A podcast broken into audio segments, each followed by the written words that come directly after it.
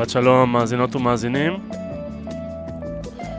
אתם על אה, רדיו כל הגליל העליון, 105.3 FM. תוכנית מי ישמע? אני חיים אגמי. אנחנו יוצאים כרגיל עם הסיפור השבועי שלנו.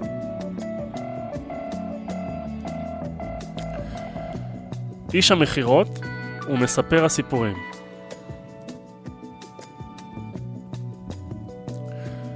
איש מכירות של חברת אלקטרוניקה גדולה שמע שבאפריקה מייחסים חשיבות עצומה לסיפור סיפורים. הוא החליט שזה שוק שהוא חייב לבדוק. יצא לדרך עם כמה מכשירי טלוויזיה וגלילים של כבלים. בכפר הראשון שנכנס אליו הוא מצא את כל הכפריים מכונסים בכיכר, מקשיבים לגריות. מספר הסיפורים המקומי. איש המכירות שמצא קהל שבוי התלהב מהמזל הטוב שלו ומיהר להקדים, להקים את הציוד בשולי הכיכר. כשהכל היה מוכן הוא ניגש לקהל. הבאתי לכם מספר סיפורים חדש שמסוגל לספר לכם הרבה סיפורים. אנחנו די מרוצים מהמספר שיש לנו, ענה הציבור. גם הוא יודע הרבה סיפורים. כמה סיפורים אתה יודע? שאל איש המכירות. רבים. סיפורים רבים של האנשים שלי. לא יודע בדיוק, אולי כמה מאות, השיב הגריות. מספר הסיפורים הזה יודע אלפי סיפורים, אמר איש המכירות והצביע על הטלוויזיה. כל סיפור חדש ושונה. בואו, שבו מסביב והקשיבו לסיפורים. הוא הזמין את הקהל. גם אם תשבו מולו שנה, לא תשמעו את אותו סיפור פעמיים. בזה אחר זה עברו הכפריים לשבת סביב הטלוויזיה, קוראים לאחרים להצטרף אליהם עד שכולם שקעו בצפייה. איש המכירות שהרגיש שהוא מריח את ריח ההצלחה, אמר שישאיר להם את הטלוויזיה לשבוע. תוך כדי שהוא עוזב את הכפר, הבחין בכך שהמספר סיפורים לא יושב בין הצופים. מתוך תחושת חוסר נוחות קטנטנה, הוא הציע לו להצטרף לאחרים ולבדר את עצמו. הגריות דחה את ההצעה בעדינות. כשאיש המכירות חזר לכפר כעבור שבוע, בטוח שהוא הולך למכור מספר נאה של מכשירים, שוב מצא את הציבור מכונס בכיכר. כשהתקרב, גילה שהם מכונסים סביב מספר הסיפורים ששוב אחז בתשומת הלב שלהם, בעוד הטלוויזיה מונחת בצד, חשוכה ודוממת. לא נהניתם מהסיפורים של מספר הסיפורים החדש שהבאתי לכם? שאל. אה, כן, ענה הציבור במקהלה. הם היו סיפורים טובים מאוד. אז מדוע אתם מקשיבים שוב למספר הסיפורים הישן שלכם? אה, זה פשוט, ענה איש אחד. למרות שמספר הסיפורים החדש מכיר הרבה סיפורים, הוא לא מכיר אותנו.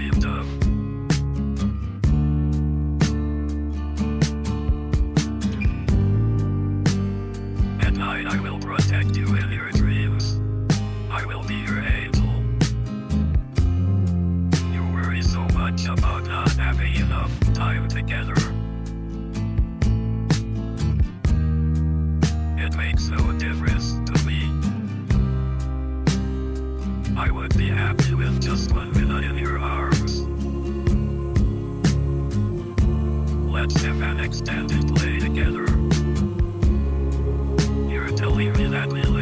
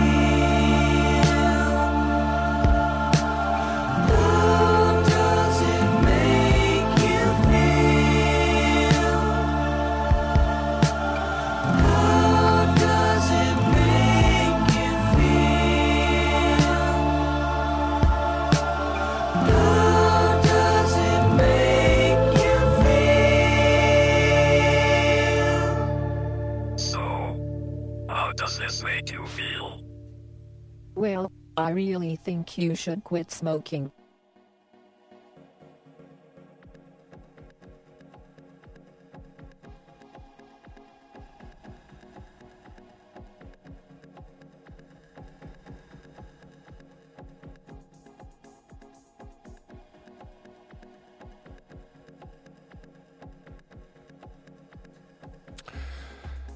למי קראת שיקסה?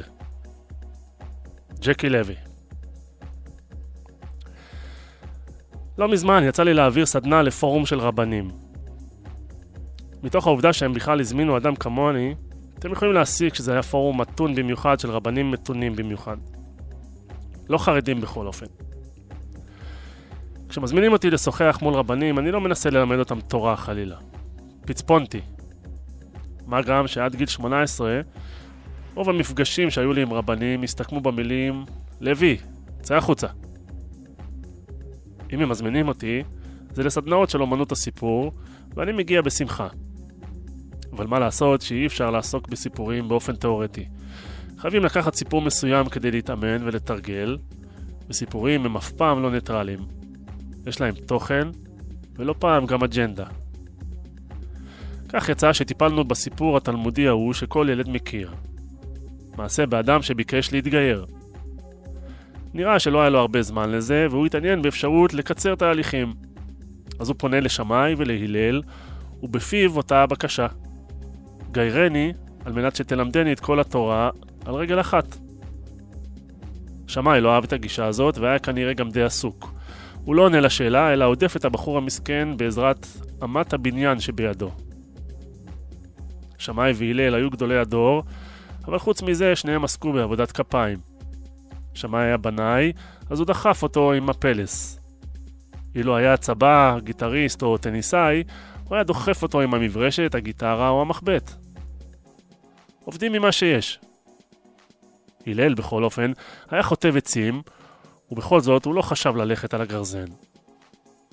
הלל אומר לגר ההוא את המשפט שהפך עם הזמן להיות קלישאת מסדרונות בתי ספר. מה ששנוא עליך, לא תעשה לחברך. זאת כל התורת כולה, ואידך זיל גמור. ואת היתר, לך ולמד. הייתי במצב רוח טוב באותו יום, ושאלתי את הרבנים האם לדעתם מסופר, מדובר בסיפור מכונן או סתם באנקדוטה. שום ויכוח לא היה שם. סיפור מכונן באבוע. אז שאלתי מה הוא מכונן בדיוק. כי אני מסכים איתם שהסיפור הזה נהנה ממעמד של סיפור מכונן. ואחת הדוגמאות הקלאסיות, מדוע במחלוקת בין הלל לשמאי אנחנו הולכים עם הלל. אבל ברצינות, מה הוא מכונן? לדעתי כמעט כלום. אילו היה מכונן משהו, אמרתי להם בחצי חיוך, אז קודם כל היינו מאמינים שרבנים, גם גדולים, אמורים לעבוד בעבודת כפיים. כמו בסיפור. חוץ מזה, היינו מאמינים שגיור הוא תהליך שכדאי וטוב לעשות אותו קצר ונעים ככל הניתן. אחרת היינו הולכים בשיטת שמאי. והכי חשוב אמרני, אמרתי, אילו היינו מסכימים שזה סיפור מכונן, אני חושב שהיינו באמת מאמצים את האמונה שמה ששנוא עליך לא תעשה לחברך. זו כל התורה. או לפחות העיקר שלה. ובואו רבותיי, דוגרי, מי באמת חושב כך? לא דתיים ולא חילונים, לא רבנים ולא מועמדים לגיור. המשפט הזה באמת טוב לפלקטים במסדרון, לא הרבה מעבר. היה שם רגע של שקט, ואז התחילה שיחה לא מתוכננת, אבל מרתקת ונעימה. במהלכה התברר לי שחלק גדול מהקבוצה באמת עוסקים בגיור. אני מניח שמדובר בבתי הדין היותר מתונים, אלה שחבר הכנסת פינדורוס רואה בהם מן הסתם פס ייצור של שייגצים ושייק צלח. כאן כבר הסתקרנתי ושאלתי, תגידו, מתי לאחרונה עמדו מועמד או מועמדת לגיור מול בית הדין הנכבד והתבקשו להשיב על שאלה מהתחום שבין אדם לחברו? מה שהתרחש באותו רגע היה צחוק נבוך. כולם פחות או יותר צחקו. לא עליי, על עצם השאלה. אני אפילו לא התכוונתי להביך או להצחיק, שאלתי כי עניין אותי לדעת איך מתנהל מנגנון ההצטרפות לעם שלי. שמעתי שמועות, אבל הייתי בטוח שהן מוגזמות. באותם רגעים, בכל אופן, ישבתי מול קבוצה של רבנים, שאין מתונים מהם במחנה האורתודוקסי, וראיתי אותם צוחקים צחוק מר. גם ככה העולם החרדי לא מכיר בסמכותם. רק זה חסר, שהם גם יתחילו לבחון את המתגיירים על עניינים לא רלוונטיים, כמו הלנת שכר, לא, בניגוד למה שאפשר להתרשם, זאת לא מצווה, אלא דווקא איסור, או גרימת צער לגר, ליתום ולאלמנה. כנ"ל לידיעת מר פינדרוס. גזל או נזק ברשות הרבים. אז על מה בוחנים? מה הידע הקריטי שמכניס אדם לחיק העם היהודי? שאלות כמו איך מכשירים כבד? ולא, תשובות מסוג אני צמחונית, אני לא מבשל בכלל, אנחנו חיים על טייק אווי, לא ממש יקפיצו אתכם לשלב הבא. או מה לובש הכהן הגדול ביום הכיפורים? ולא. התשובות, זה קרה מזמן, מתלבש יפה, כבר שנים שאין בית מקדש, לא התקבלו בחיוך של הבנה. אפשר לגחך או להידהם, או לתהות אם החרדים עצמם לא אחראים לרפורמה קיצונית ביהדות. אבל חייבים להבין שהדברים הגיעו לידי כך כי נרדמנו בשמירה. כי רוב הציבור החילוני והמסורתי השאיר את היהדות לחרדים, והציונות הדתית נכנעה ללא קרב. מי שלא מתעניין בעניינים כמו גיור, למרות שהיהדות שייכת לו לא פחות, לא יכול להתעורר רק כי הוא לא סובל את המילה שיקצה. אני מאמין שבמידה רבה העתיד שלנו תלוי ביכולת להחזיר את הסיפור ההוא על הלל ומה ששנוא עליך לחזית הזהות שלנו. אבל לשם כך, צריך ללמוד, או לפחות להתעניין. זה שלכם, זה שלנו.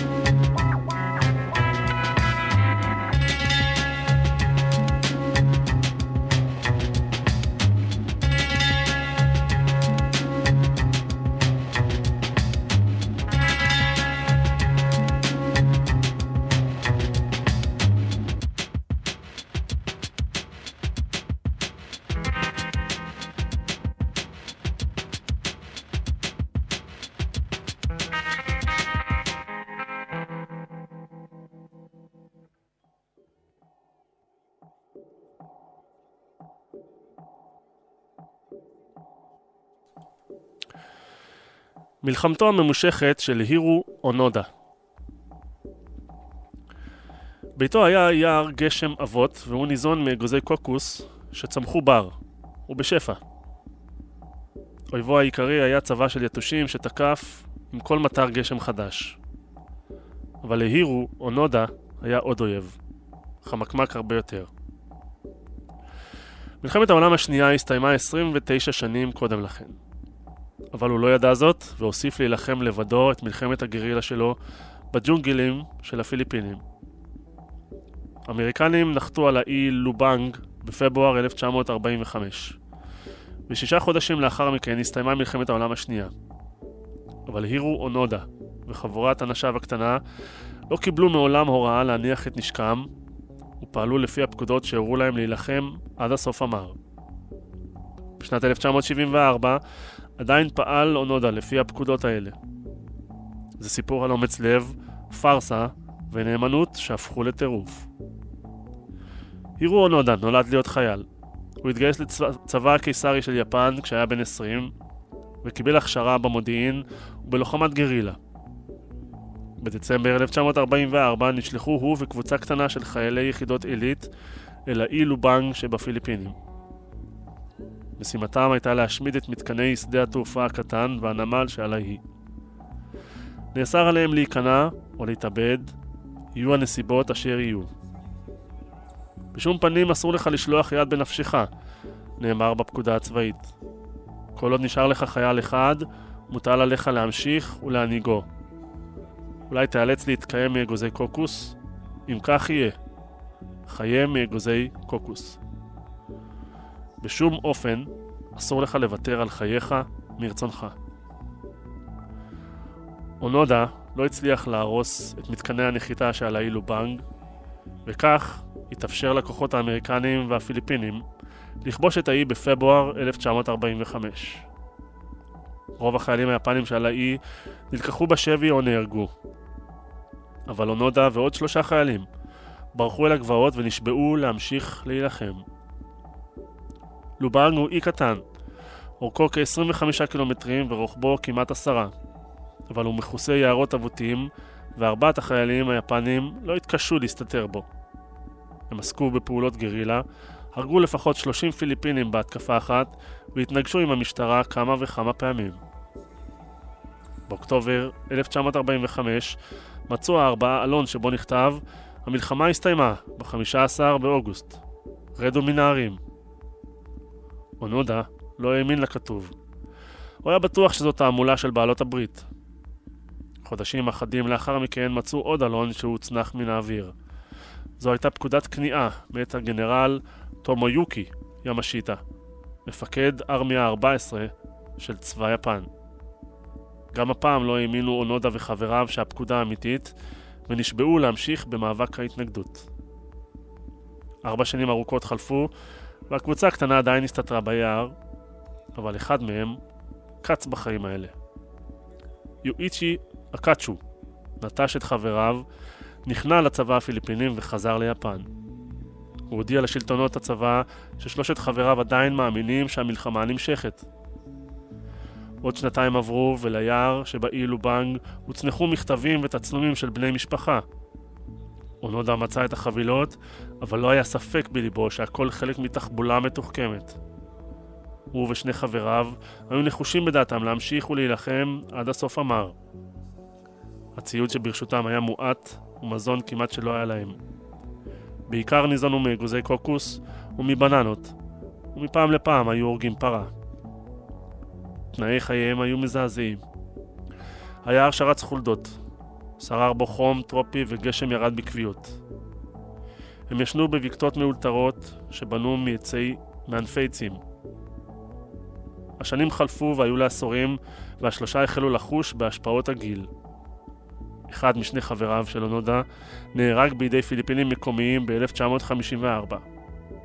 האחר חי עוד 18 שנים ונהרג באוקטובר 1972. הוא ואונודה יצאו לפשוט על מאגרי מזון באי ונלכדו בקרב יריות. אונודה נותר לבדו. החייל היפני האחרון שעדיין נלחם את מלחמת העולם השנייה. 27 שנים אחרי שהסתיימה. עכשיו היה בודד במאבק, אבל סירב להניח את נשקו. באביב 1974, כשעדיין עסק בפשיטות גרילה, הצליח הסטודנט היפני נוריה סוזוקי לעלות על עקבותיו וליצור עמו קשר. סוזוקי בישר לו שהמלחמה הסתיימה לפני זמן רב, אבל אונודה סירב להאמין לו ואמר שלא ייכנע לעולם, אלא אם כן יקבל פקודות מפורשות מן הקצין הממונה עליו. רק עכשיו החליטה ממשלת יפן להתערב ולנסות לשכנע את אונודה לסיים את מלחמתו. היא איתרה את הקצין הממונה עליו לשעבר, רב סרן טניגוצ'י, שלמרבה המזל עדיין היה בחיים, והטיסה אותו אל האי לובנג כדי שיורה אישית לאונודה להניח את נשקו. בתשעה במרס 1974 נחלו מאמציו של הקצין הצלחה. יפן הפסידה במלחמה וכל הפעילות המלחמתית חייבת להיפסק מיד, אמר לאונודה. אונודה שוחרר רשמית מתפקידיו הצבאיים והורו לו למסור את רובהו, את התחמושת ואת רימוני היד שהיו ברשותו. הוא היה המום ומזועזע מן הדברים שסיפר לו רב סרן טניגוצ'י. באמת הפסדנו במלחמה. אלה היו מילותיו הראשונות. איך הם, צבא יפן, יכלו להתרשל כל כך? בשובו ליפן זכה אונודה לקבלת פנים של גיבור לאומי, אבל הוא סלד מתשומת הלב שהוא עפה עליו, ומצא שיפן אינה אלא צל של המדינה הקיסרית האצילה, שאותה שירת שנים רבות כל כך. לא היה ספק בליבו, שאילו היו יותר חיילים מוכנים להילחם, עד הסוף אמר, כמוהו, הייתה יפן מנצחת במלחמה.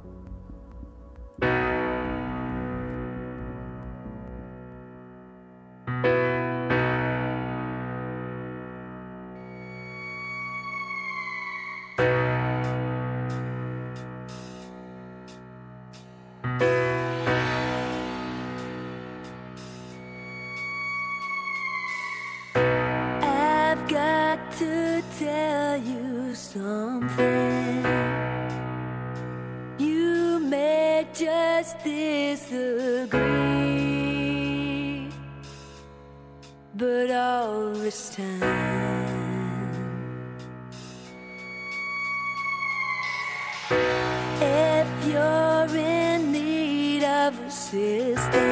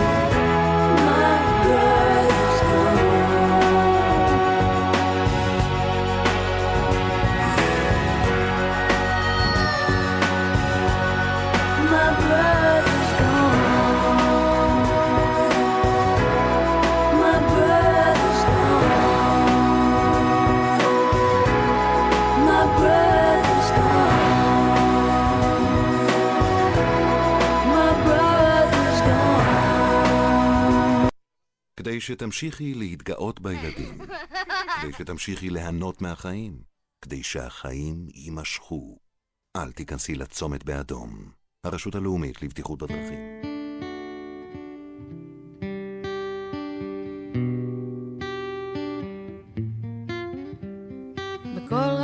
הסקאלה זה המקום הכי נכון. 105 שלוש רדיו, כל הגליל העליון. אלוהים אדירים! אני יכולה להקשיב לך! כולי אוזן! מוזמנים להדליק את האוזניים ולצאת לטיול מוזיקלי. קטעים מקרוב ומרחוק, מהיום ומפעם, הרבה מהשוליים וקצת מהאמצע. מזל אוזניים עם עידית גרשוני. כל יום שלישי בארבע ברדיו כל הגליל העליון.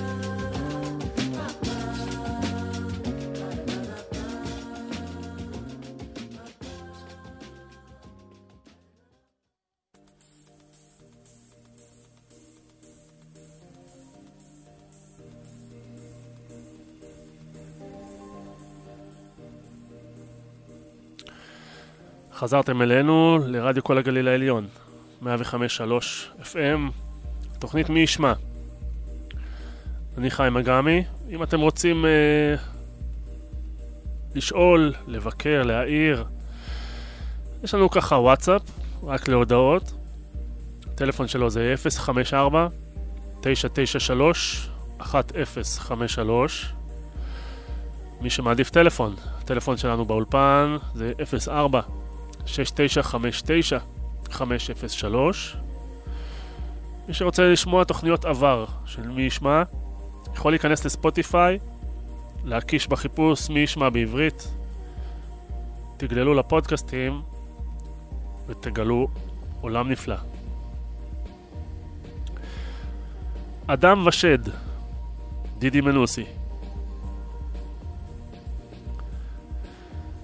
אדם ושד ביום קרה, יושבים במסעדת יוקרה.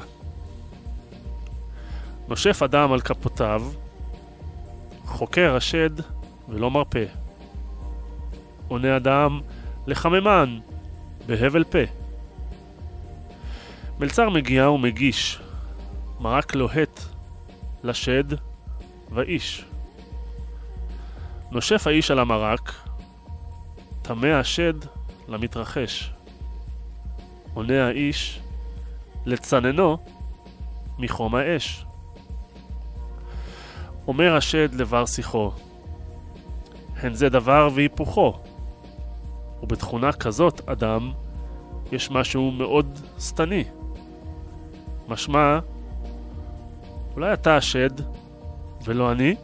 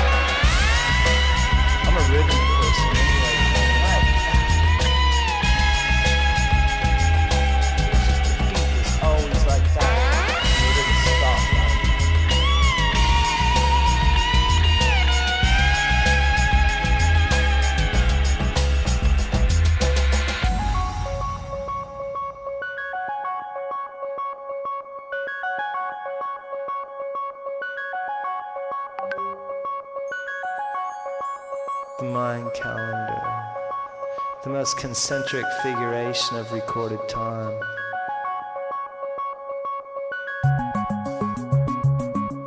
You know, the axis of the northern star shifts like two inches every year,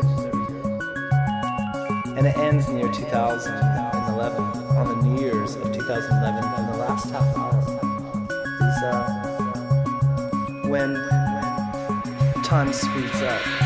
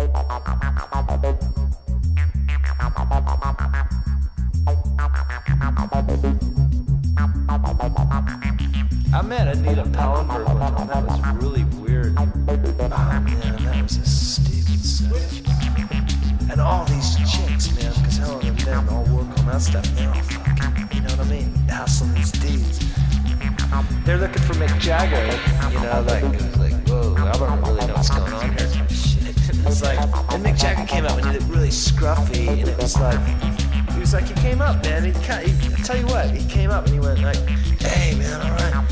And it was like, uh, I was, I was like, see you in the future, man. He goes, yeah, if there is one.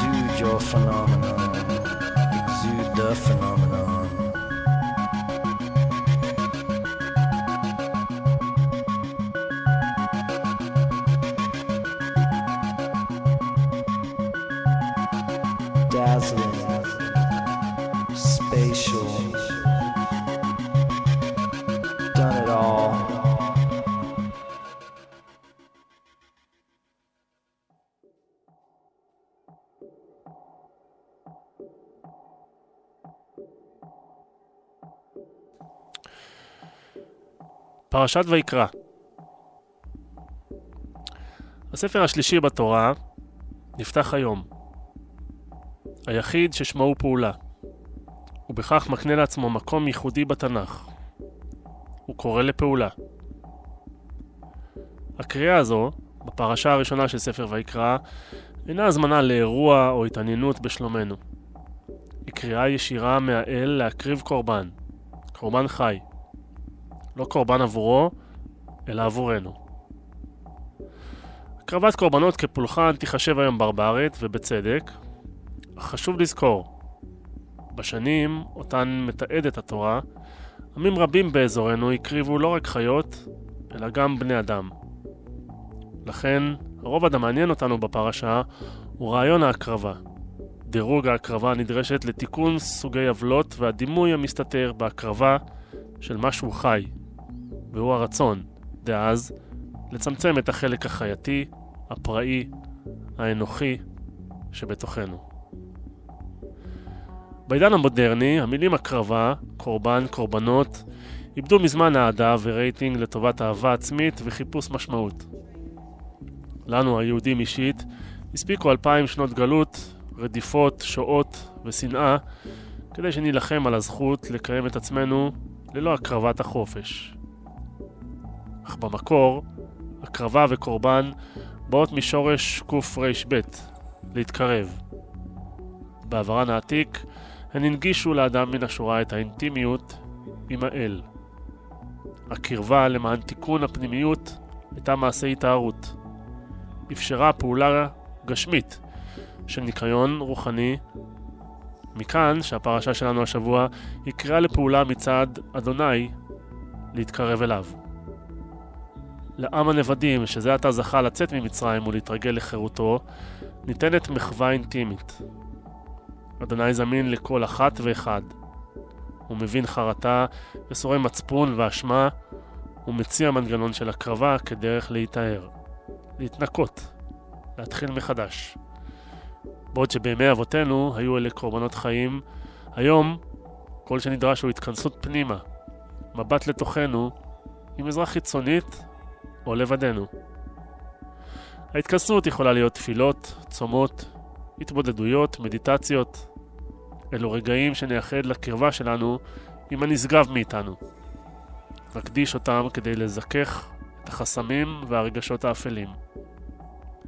הפרשה שלנו מגיעה שבוע לפני הפסח.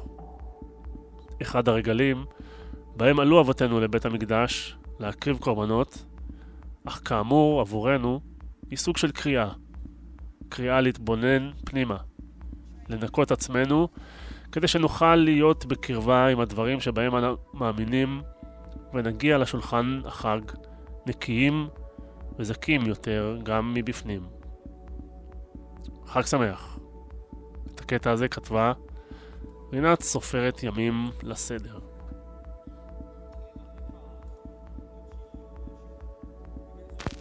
What we're gonna do right here is go back. Way back. Back into time. Yeah, yeah.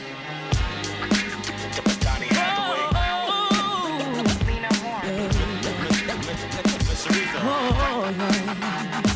The real thing, thing, thing.